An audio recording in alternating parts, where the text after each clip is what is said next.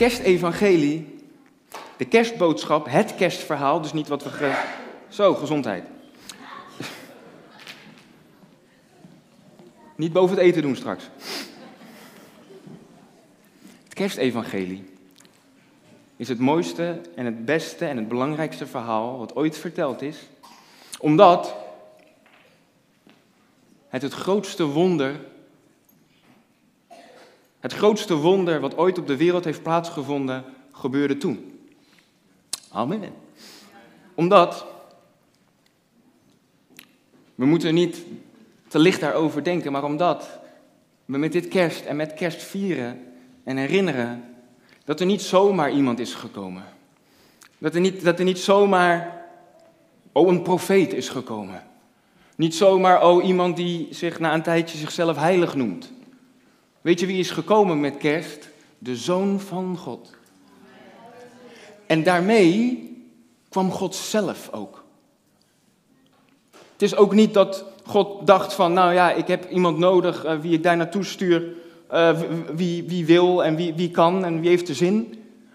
God zei, ik wil zelf, God zelf, ik wil naar de aarde komen. En dat kan alleen maar in de vorm en in de gedaante van een mens. En daarom stuurde hij zijn zoon, gaf hij zijn zoon.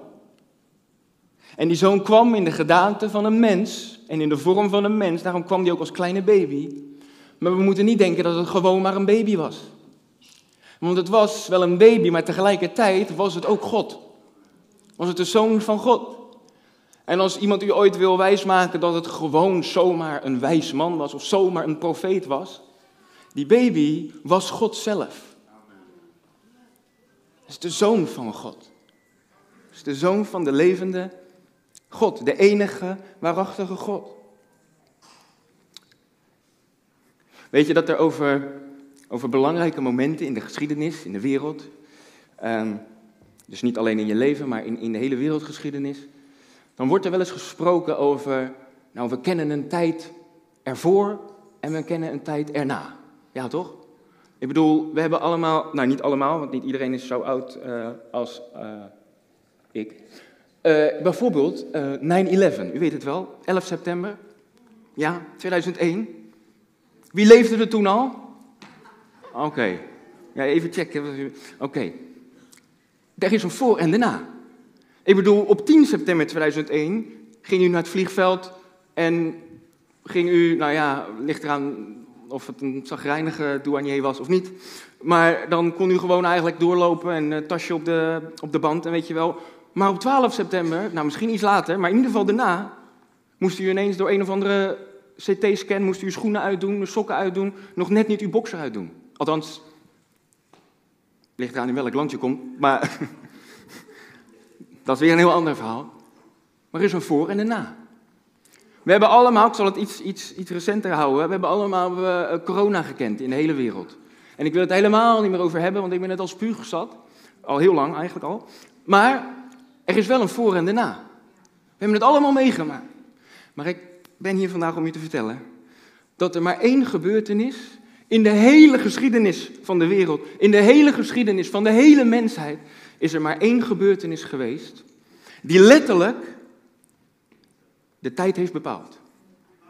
En de geschiedenis heeft veranderd. En dat is de geboorte van Jezus. Want ik weet zeker dat u op school heeft gezeten, dat hoop ik. En als u op school heeft gezeten, dan heeft u ook geschiedenisles gehad. En dan werd er gezegd, in 460 voor Christus gebeurde dat en dat. In 22 voor Christus gebeurde dat en dat. En in 800 na Christus gebeurde dat en dat. Ja toch? Over de hele wereld gebruiken ze dat. Of het nou van welk geloof ze ook zijn, van welk ras ze ook zijn. Maar iedereen gebruikt die jaartelling, ja toch? In de hele wereld. En dat is het moment dat Jezus naar de aarde kwam en dat Jezus is geboren.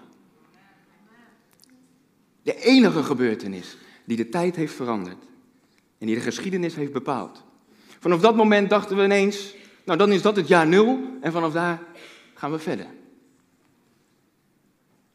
Maar voor, voor die dag al, keek het volk van God, Israël, keek al eeuwenlang uit naar die dag dat die zou komen.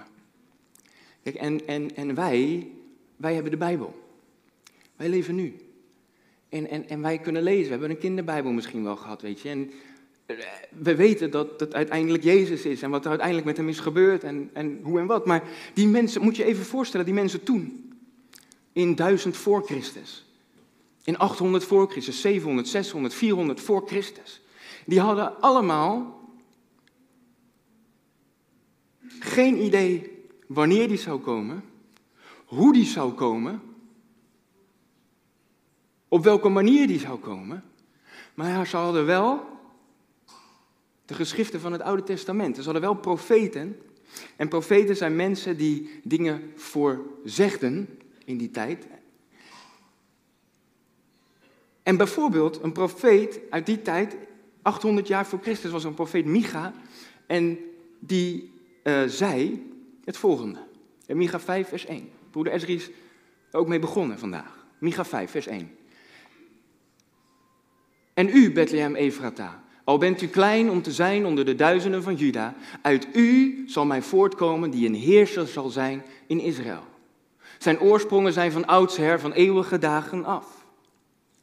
800 jaar voor de geboorte van Jezus, voordat er ook maar iets van verlosser, verlossing en een Messias was, koos God door Micha al heen de plaats waar de Messias zou komen. En dat was Bethlehem. En als het niet de geboorteplaats zou zijn van die Messias, dan vraag ik me af of iemand ooit zou hebben gehoord van Bethlehem. Want Bethlehem was gewoon een heel, heel klein uh, dorpje. Over een paar maanden ga ik, ga ik verhuizen naar Heenvliet. Toen ik tegen mensen zei, ik ga naar Heenvliet verhuizen, niemand kende het. Een paar mensen. Die uit Spijkenissen komen of die heel goed in topografie zijn. Maar hij is zo klein. God koos die, dat dorp uit. 100 jaar daarna, in 700 voor Christus, zei Jesaja dit. God door Jesaja heen natuurlijk. Ja. Het volk dat in duisternis wandelt, zal een groot licht zien. Zij die wonen in het land van de schaduw van de dood, over hen zal een licht schijnen. Daarom zal de Heer zelf u een teken geven. Zie, de maagd zal zwanger worden. Zij zal een zoon baren en hem de naam Immanuel geven. Kijk, en wij lezen dit in het licht van, ja, daarna kwam Jezus. Maar je moet je voorstellen dat je toen leefde en dat iemand profeteerde en zei, ja, volk die het zo moeilijk heeft. Ja, u die zo onderdrukt wordt door vijanden of door uh, uh, slavendrijvers of door weet ik veel wat. U die gebonden zit. Er komt een dag, u die nu in duisternis, want er komt een dag dat u een groot licht gaat zien. Want er zal een maagd komen die zwanger zal worden. Ik denk dat de meeste mensen zouden zeggen, echt? Ja, de maagd zal zwanger worden, ze zal een zoon baren en hem naam Immanuel geven. Je moet je voorstellen dat, dat het volk Israël toen dacht van ja, oké, dat zal dan wel. We hebben net gezongen ook, eh, een van die eerste liedjes, O kom, O kom, Emmanuel. Ik ken nog een ander liedje, O kom, O kom, Emmanuel, toch? Kent u wel. En dan weet ik de tekst niet meer, dan moet ik even lezen. Verlos uw volk, uw Israël. Herstel het van ellende weer, zodat het looft uw naam. Zo. Dank u.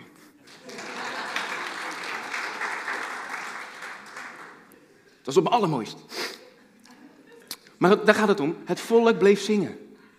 Oh, kom Emmanuel. Want ze wisten alleen maar, nou ja, hij zal Emmanuel heten. Maar wie, hoe, wat, wanneer? Kom, oh kom Emmanuel. Verlos uw volk opnieuw, Heer. Verlos ons, Heer. Verlos ons. Het volk bleef bidden, kom. Kom Emmanuel, kom Messias, kom. Maar het bleef stil. Het bleef stil. Wist je dat tussen het Oude, de, Bijbel bestaat uit het Oude en het Nieuwe Testament. Tussen het Oude en het Nieuwe Testament, weet je hoeveel eeuwen er tussen zit? Vier eeuwen. 400 jaar. En weet je wat er gebeurde in die 400 jaar? Heel veel, maar qua God helemaal niks. God sprak niet, profeten profeteerden niet, het was stil, 400 jaar lang. En ik weet niet hoe het u zit, maar als u moet wachten, hè, ik weet niet, misschien hebben we hele geduldige mensen hier in de zaal, maar als u moet wachten, en als u een beetje in hetzelfde bent als ik, dan word je heel gauw ongeduldig, ja toch? Als ik vorige week had ik Siggo uh, over de vloer, tenminste, hij zei we komen tussen 8 en 1, en als het dan tien over één is, dan word ik helemaal onrustig, word ik ongeduldig, word ik zagrijnig. En dan ga ik aan de, aan de telefoon hangen. U niet? En heel veel, heel veel geduldige mensen. De mensen die geduldig zijn, wilt u dat ook laten zien straks als het eten er is?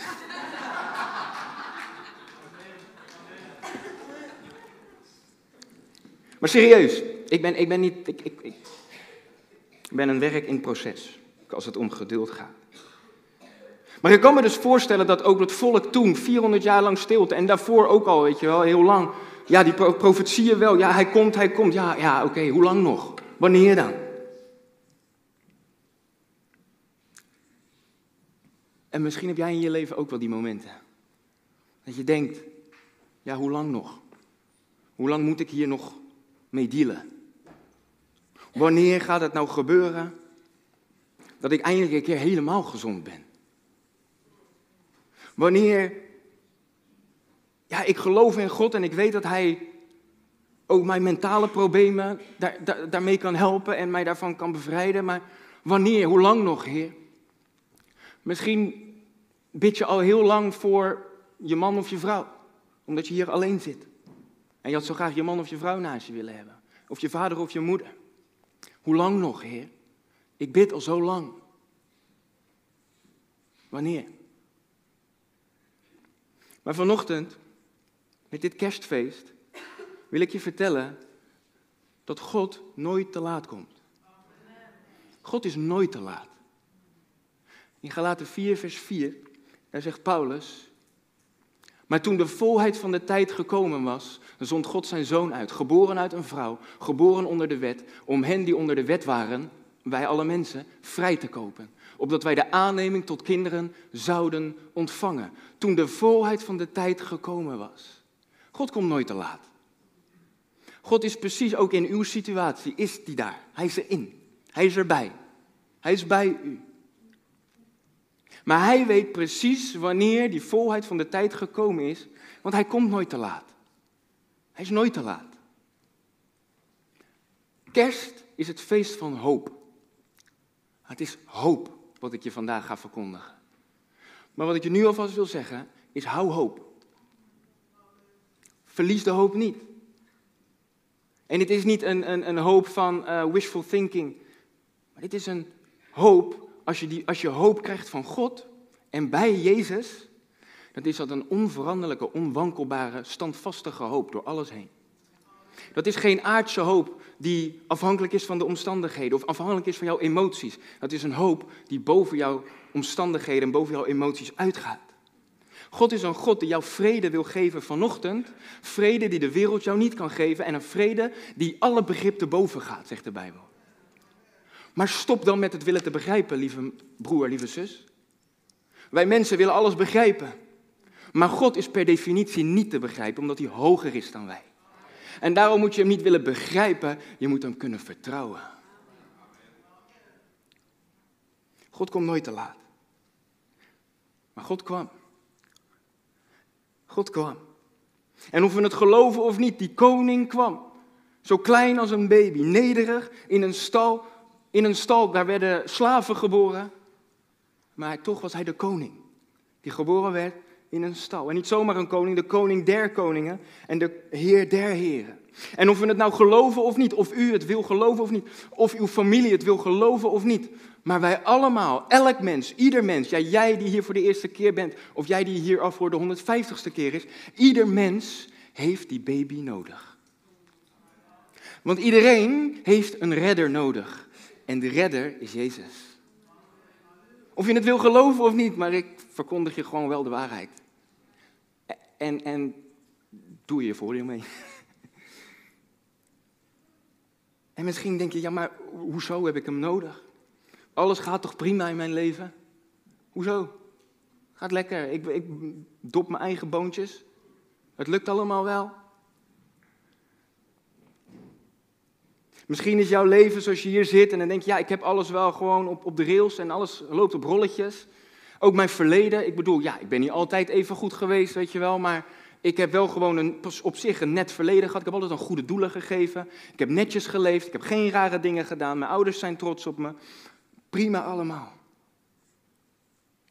Of misschien zit je hier wel met een verleden heel lang geleden of een recent verleden vol duisternis en vol zonde.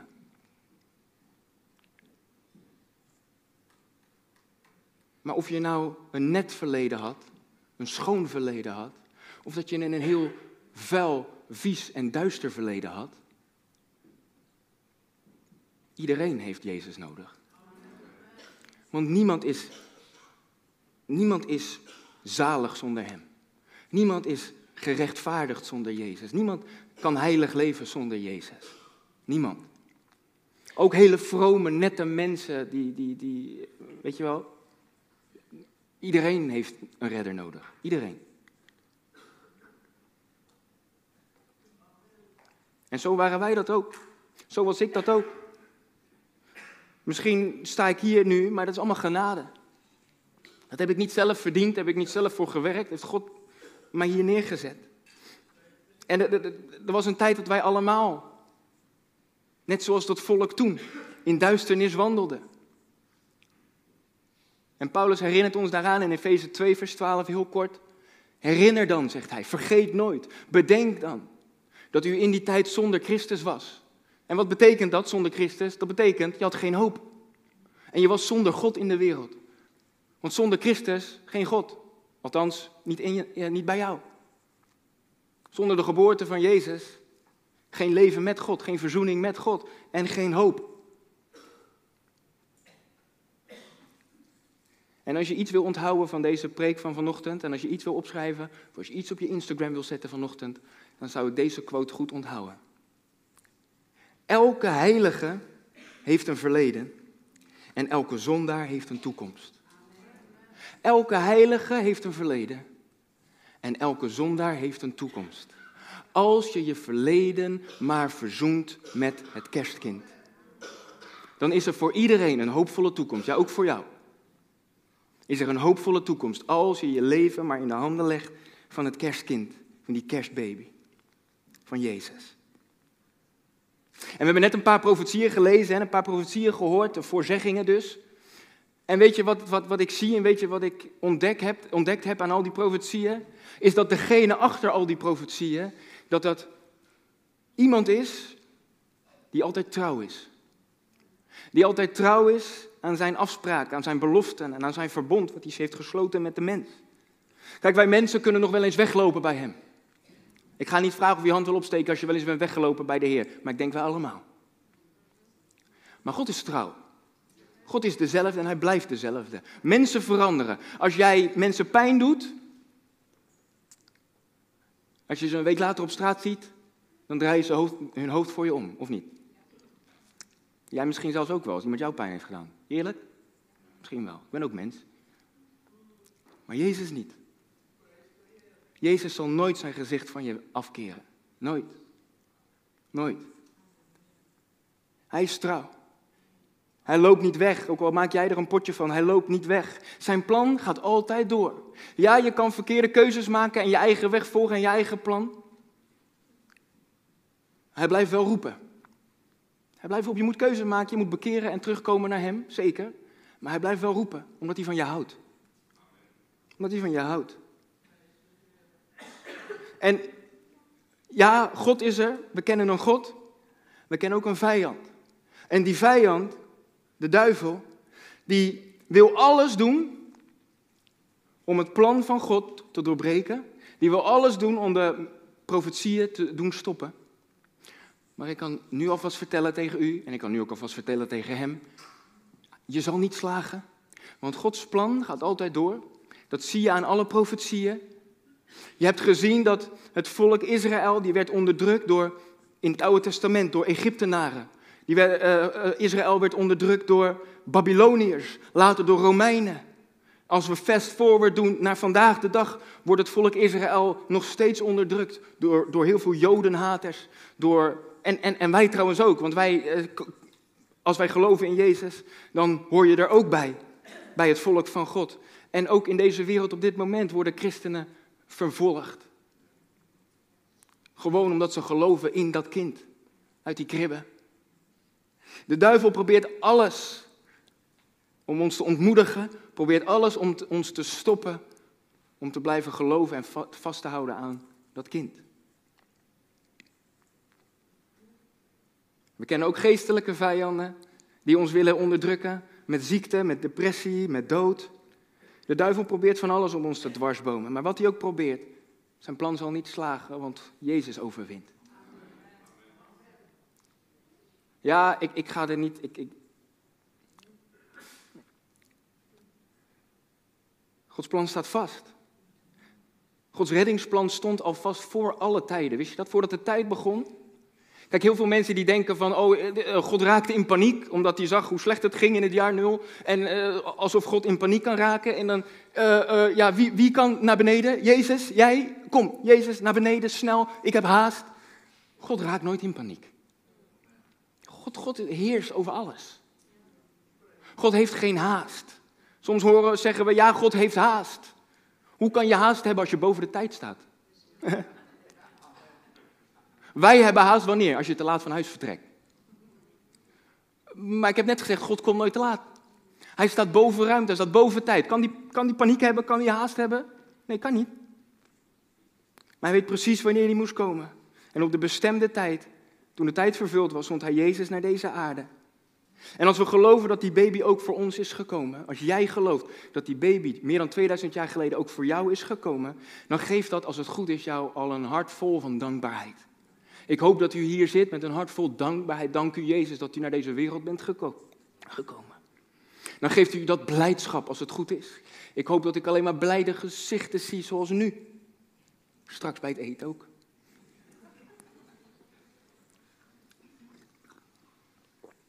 Maar pas als we geloven dat Jezus niet alleen maar 2000 jaar geleden gekomen is, maar ook geloven dat Jezus, ik weet niet wanneer, maar Jezus ook op een dag terugkomt, dan heeft u niet alleen maar blijdschap in uw hart, dan heeft u ook hoop in uw hart. Want wij hebben een levende hoop in ons hart. Iedereen die gelooft zou een levende hoop in ons hart moeten hebben. En waar is die hoop op? De hoop dat Jezus nog een keer terugkomt. Want hij kwam voor de eerste keer, meer dan 2000 jaar geleden. En ik weet niet wanneer die, nog, wanneer die weer terugkomt. Maar dat hij weer terugkomt, dat staat vast. Vaak horen we met kerst alleen maar die eerste keer dat hij kwam. Maar kerst is het feest van hoop dat hij gekomen is, maar ook dat de koning weer eraan komt. De koning is gekomen, maar de koning komt er ook weer aan. En wat moet ik dan doen om bij die koning te horen, Jordi? Vertel mij dan. Want als die komt om mij op te halen, dan wil ik ook met hem mee. Dan moet je vandaag die keuze maken. En buigen voor het kindje Jezus. Voor koning Jezus. En zeggen, Heer Jezus, ik heb het op eigen kracht geprobeerd. Maar het is niet gelukt. Ik wil nu op u vertrouwen. Ik vertrouw mijn leven toe aan u, Heer Jezus. En als die dan terugkomt, ik weet niet wanneer. Maar wat ik wel weet, is dat vandaag alweer een dag dichterbij is dan gisteren. En ik weet niet wanneer, maar ik weet wel dat morgen weer een dag dichterbij is dan vandaag. Morgen is u nog niet gegeven, vandaag heeft u al. Dus stel niet uit tot volgend jaar kerst. Stel niet uit tot morgen, want morgen heb je nog niet. Alleen vandaag heb je. Morgen heb je nog niet. Stel niet uit wat je vandaag kan doen. Het kerstfeest is het feest van hoop. En hoop ligt altijd in de toekomst. Je kan niet hopen op iets van, nou, ik hoop dat ik uh, mijn rijbewijs eerder had gehaald. Dat kan niet. Je, je kan niet in het verleden hopen. Hoop is altijd, strekt zich uit naar voren, naar de toekomst. En dat is waar kerst over gaat. Zoals de mensen voor Christus hoopten op de komst van die Messias, van die Verlosser. Zo zouden wij ook, wij die geloven, zouden wij ook een hoop moeten hebben en moeten verwachten, iedere dag verwachten dat Jezus terugkomt. En misschien hoor je dat niet zo vaak en dan denk je, ja, maar het gaat toch over kerst, over de koning die is gekomen. Ja, maar de koning is gekomen en zijn hele reddingsplan vindt pas zijn voltooiing als hij weer terugkomt.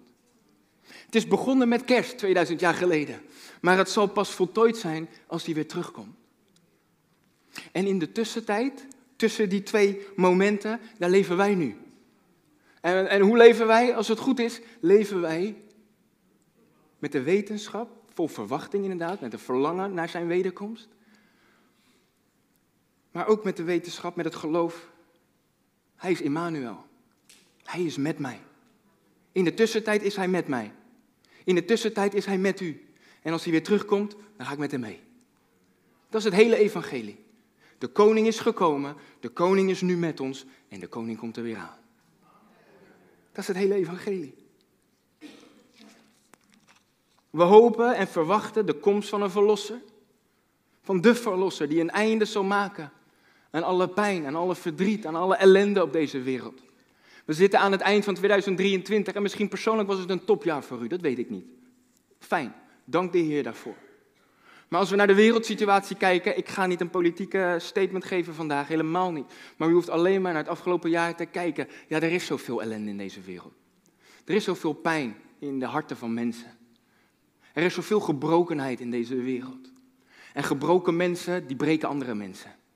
Gebroken mensen, dat zijn de Poetins van deze wereld. Maar ook gewoon de, de, de, de, de gemeenrik op de hoek van de straat. Er is veel gebrokenheid in, er is veel ellende, er is zoveel ziekte in deze wereld. Wanneer, Heer? Hoe lang nog, Heer? Hoe lang, Heer? Duurt het nog? Maar onze hoop voor hen die geloven in Jezus Christus, onze hoop is, is dat Jezus zal terugkomen en dat hij een einde zal maken aan alle pijn en verdriet. Aan alle ziekte en alle ellende. Aan alle wanhoop. Aan alle teleurstelling. En die hoop dat Jezus weer terugkomt, die hoop geeft ons vreugde vandaag. Die hoop geeft ons vreugde vandaag, ook al ziet het er in de hele wereld, ook al gaat het in mijn leven helemaal niet zo goed. Maar heb ik een hoop die mij vreugde geeft. En de vreugde van de Heer is mijn kracht. Dus hoop geeft kracht, hoop doet leven. Hou dat vast. Hou die hoop vast. Laat die hoop niet roven door de vijand. Laat die hoop niet roven door jouw emoties. Laat die hoop niet roven door je omstandigheden of door de problemen in je leven. Als je hoop vasthoudt, dan hou je vreugde vast. Hou je vreugde vast, hou je de kracht van God vast. En daarom, daarom zegt Paulus dat wij moeten leven met verwachting en zelfs verlangen nadat Jezus weer terugkomt. En daarom is kerst een levensstijl. Kerst is niet zomaar een moment. Kerst is niet zomaar een feestdag. Kerst is een levensstijl, het hele jaar door. Dat mijn koning is gekomen voor mij. En daardoor ben ik gered. De koning wandelt met mij. Iedere dag waar ik ga, ben ik een koningskind. En hij wandelt met mij. Hij gaat met mij. Hij spreekt tot mij. En mijn koning komt weer terug en dan mag ik met hem meegaan. Dan komt hij mij halen, want mijn woning is dan klaar daarboven. Dus mijn vraag aan het eind van deze preek, van deze kerstboodschap. Leef jij met die hoop? Leef je, geloof je überhaupt?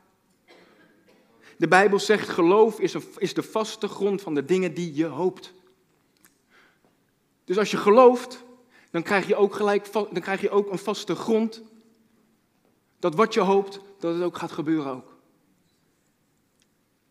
Maar geloof je, geloof je dat hij voor jou is gekomen? Daar moeten we mee beginnen. Geloof je dat hij voor jou ook geboren is? Voor jou persoonlijk?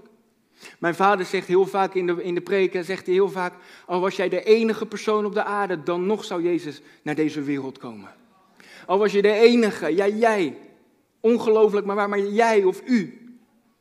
Als je de enige op de wereld was, alleen op de wereld, net zoals dat boek. Als je alleen op de wereld was geweest, dan nog zou God zijn zoon sturen naar deze aarde als klein kindje daar in Bethlehem. En zou die zoeken naar jou. Want daarvoor is Jezus gekomen, om te zoeken naar dat wat verloren is. En als je dat dan gelooft, dat de koning voor jou gekomen is, geloof je ook dat hij terugkomt voor jou. En als je niet leeft met die hoop, als je niet leeft met die standvastige hoop, kom dan vandaag terug bij hem. Ja, jij broeder. Ja, jij zuster. Ja, jij jonge vrouw, jonge man, oude man, oude vrouw. Maakt niet uit. Maar als je moet terugkomen bij Jezus, kom dan vandaag terug. Wacht niet tot Pasen. Wacht niet tot volgend jaar kerst. Maar doe het vandaag. Zorg ervoor dat je vandaag recht komt te staan voor God. Want morgen is de dag, morgen is nog niet gegeven. En als Jezus dan terugkomt, zorg ervoor dat je dan niet te laat bent. Want dan zou het voor jou voor niets zijn geweest dat Hij naar de wereld is gekomen 2000 jaar geleden. Zorg ervoor dat je niet te laat bent. En ik garandeer je, als je gelooft, geloof alleen. Als je gelooft dat Jezus voor jou gekomen is en dat hij voor jou ook weer terugkomt, dan zal je vandaag een bovennatuurlijke hoop ontvangen die niemand ooit van je kan roven. Die, die garantie geef ik je. Die garantie geef ik je vandaag. En mijn laatste tekst is Titus 2, vers 11. Want de zaligmakende genade van God is verschenen aan alle mensen. Dat is met kerst. En leert ons de goddeloosheid en de wereldse begeerten te verloochenen. En in deze tegenwoordige wereld bezonnen, rechtvaardig en godvruchtig te leven. Terwijl wij verwachten de zalige hoop en verschijning van de heerlijkheid van de grote God, onze zaligmaker, Jezus Christus. Bij Jezus' eerste komst, dat is het laatste wat ik ga zeggen. Bij Jezus' eerste komst kwam Jezus in de zwakheid van een baby. Maar bij zijn tweede komst komt Jezus terug als heerser van het universum. Bij zijn eerste komst was er nergens een plaats voor hem. Alle uh, herbergen, alle hotels, alle van de Valks, die waren allemaal vol. Maar bij zijn tweede komst zal de aarde vol zijn van zijn heerlijkheid. Bij, zijn eerste komst was het een ster aan de hemel die aankondigde, de koning is er. Maar als Jezus terugkomt, dan zullen alle sterren vallen. De hemel zal opengaan en hij zal op de wolken van heerlijkheid weer terugkomen. Bij zijn eerste komst, bij de eerste komst van Jezus waren er maar drie wijzen die hun knieën bogen voor hem. Maar als Jezus terugkomt, zal elke knie buigen. En zal elke tong beleiden dat Jezus Christus is koning der koningen en heer der heren. En dat zou een lach op uw gezicht moeten toveren nu. En als u dat niet heeft, kom bij Jezus. Kom bij Jezus. En wil je dat meemaken? Iedereen gaat dat meemaken. Of je dat wil geloven of niet, maar elke knie zal buigen als Jezus terugkomt. Elke mond zal getuigen dat Jezus Heer is, of je het wil of niet. Maar iedereen zal zijn knie buigen voor Hem. Maar zorg dat je niet te laat bent, want je moet dat nu al doen. Want als Hij terugkomt en Hij moet je dwingen om te buigen, dan ben je te laat. Maar je moet dat nu uit vrijwillige keuze, moet je dat doen? Kan je dat doen? En dan zal je gered zijn. En dat is het kerstevangelie, lieve mensen. Dat is wat ik vandaag tegen u wilde zeggen. Ik wil u hoop. God geeft u hoop door deze boodschap heen, ik weet het zeker. Een onwankelbare, standvastige hoop op de tweede komst van Jezus. We leven nog steeds in een wereld met pijn, verdriet, schuld, schaamte, geweld, oorlog, ziekte en pijn. Maar wij leven wel in een wereld waarin wij hoop kunnen hebben. Omdat Jezus in ons leeft. Amen. Amen. Omdat Jezus in ons leeft. En omdat wij altijd nog het oude gebed kunnen bidden, zoals ze meer dan 2000 jaar geleden ook hebben gedaan. Kom, kom Jezus, kom. Sometimes I fall to my knees and pray.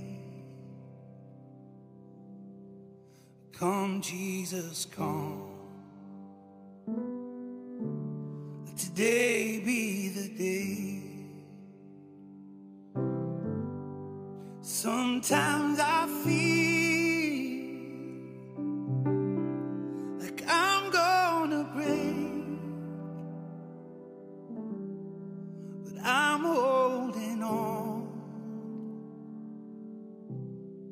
hope that won't fade.